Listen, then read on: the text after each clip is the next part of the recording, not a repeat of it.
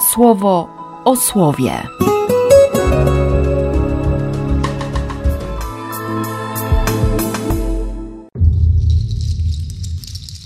11 września, sobota. Z pierwszego listu do Tymoteusza.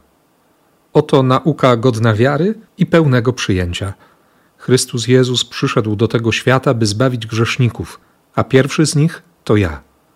Dostąpiłem jednak miłosierdzia, by na mnie pierwszym Chrystus Jezus okazał całą swą wielkoduszność, jako przykład dla tych, którzy w Niego uwierzą, dla życia wiecznego królowi wieków, nieprzemijalnemu, niewidzialnemu, jedynemu Bogu, cześć i chwała na wieki wieków. Amen. Z Ewangelii według świętego Łukasza. Nie jest dobre drzewo, które wydaje zagrzybiony owoc. I podobnie nie jest zagrzybione drzewo, które wydaje owoc dobry. Każde drzewo poznaje się po jego własnym owocu. Przecież z cierni fig nie zbierają, ani nie zrywają winogron z jakiegoś kolczastego krzaka. Dobry człowiek wydaje z dobrego składu swojego serca dobro, a zepsuty wydaje z zepsutego zepsucie. Bo przecież jego usta wydają słowa z tego, co wypełnia serce. Dlaczego wołacie do mnie, Panie, Panie, a nie wykonujecie tego, co mówię? Pokażę wam, do kogo jest podobny każdy, kto przychodzi do mnie i słucha moich słów. Podobny jest do człowieka budującego dom. Wykopał fundament, pogłębił i położył na skalę. Gdy przyszła powódź, przedarła się rzeka do owego domu, lecz nie zdołała go poruszyć, bo on dobrze został zbudowany. A kto usłyszał i nie wykonał, podobny jest do takiego człowieka, który dom postawił na ziemi, bez fundamentów. Rzeka przedarła się do niego i prędko się zawalił. Ruina tego domu stała się wielka. Kiedy wczoraj wieczorem siedziałem nad tym słowem, pierwsza myśl, jaka mi przyszła po lekturze pierwszego czytania, to był ósmy rozdział Ewangelii Jana, 32 werset. Jeśli wytrwacie w mojej nauce, będziecie naprawdę moimi uczniami i poznacie prawdę, a prawda wolnymi was uczyni. Bo reakcje dzisiaj na to, co pisze Paweł, szczególnie w tym piętnastym wersecie, idą jakby w dwóch kierunkach.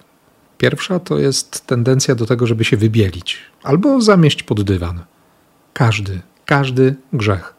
I to zarówno przez ludzi wierzących, żeby przypadkiem nie zaszkodzić Kościołowi na przykład, albo nie mówić źle, aby e, nie rujnować, no i tak dość wątłego wizerunku wspólnoty, jak i przez niewierzących. No, no w końcu grzech to wymysł jakichś tam frustratów religijnych, do tego jeszcze łasych na władzę, na kasę, na rząd dusz, niezgodny z nauką, ze zdrowym rozsądkiem. No, kto będzie wierzył w takie bajki? Teraz się jakaś akcja pojawiła w sieci nie, nie dziecka.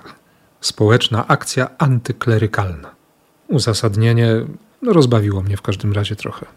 A z drugiej strony dało do myślenia. Skoro ludzie tak myślą o Kościele, niektórzy ludzie, to, to co jest nie tak w naszym przekazie? Gdzie jest błąd w naszym świadectwie? Nie? No tu już nie chodzi o jakąś niezawinioną niewiedzę albo o uparte trwanie w złośliwym spojrzeniu i propagowanie jakichś tam dziwnych opinii. Zacząłem się zastanawiać, no, co jest. Ale wracając do słowa, pierwsza tendencja to próba zagłaskania, odsunięcia, zamknięcia oczu, odwrócenia się, powiedzenia nie ma, nie jest tak źle. Z drugiej strony, niektórzy jakoś epatują tym wewnętrznym brudem, pikantne historie grzechów się pojawiają, również w kontekście nie wiem, nieuświadomionej może jakiejś walki o, o podium, nie? o pudło wielkości nawrócenia. Byłem takim grzesznikiem, będę się ścigał z innymi w opowiadaniu o swoich grzechach, no bo teraz się nawróciłem. Próżność to zdecydowanie mój ulubiony grzech. Al Pacino z adwokata diabła zawsze aktualne. A święty Paweł ani nie walczy o pudło, ani nie zakłamuje rzeczywistości. On przypomina Tymoteuszowi, którego dobrze zna, ten pierwszy, najbardziej podstawowy kerygmat, oparty o doświadczenie osobiste. Chrystus Jezus przyszedł do tego świata, by zbawić grzeszników. Pierwszy z nich to ja. Żadnej fałszywej pokory, żadnej rywalizacji, żadnego pokrętnego ukrywania przeszłości, nic. Tu chodzi o ogłoszenie miłosierdzia, żeby myśli słuchającego czy czytającego te słowa i wszystkich, którzy kiedykolwiek będą słyszeć, zwrócić na tego, który daje łaskę, który okazuje wielkoduszność, który chce, aby w niego uwierzono dla życia wiecznego.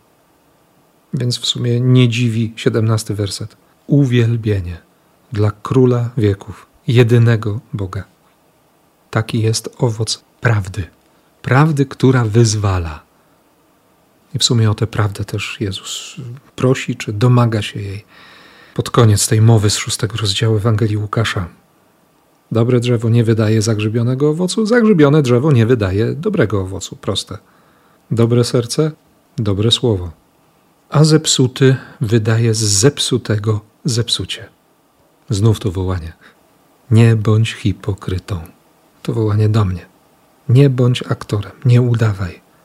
Przyjrzyj się, jak budujesz, przyjrzyj się fundamentom. Żeby się nie zdarzyło, że fundament jest gdzieś indziej niż cała budowla, a jeśli się okaże, że fundament jest za słaby, no to można go tam jakoś umocnić. Końcu mamy możliwości, takie zdobycze techniki, żeby wzmocnić fundament, żeby sobie zrobić ten codzienny zastrzyk słowa, jeśli się da, Eucharystii. Szukać, szukać i korzystać, brać ile się da, brać ile się da, żeby gdy przyjdzie powódź, a przyjdzie, rzeka nie przedarła się. Żeby się życie nie zawaliło i żeby się nie okazało, że, że ruina jest wielka. Tak sobie siedzę i myślę o intencjach na ten dzień, na to popołudnie już w sumie. I faktycznie to, co obiecałem dla profeto, towarzyszy mi od początku dnia. Wołanie o to, żeby, żeby nie brakło nam i Tobie i mnie odwagi wiary, tej wiary w stronę Boga, żeby nie brakło nadziei na przebaczenie i na miłosierdzie. I wreszcie, żeby żeby się nie okazało, że nie mamy miłości, żebyśmy mieli odwagę kochać na życie wieczne.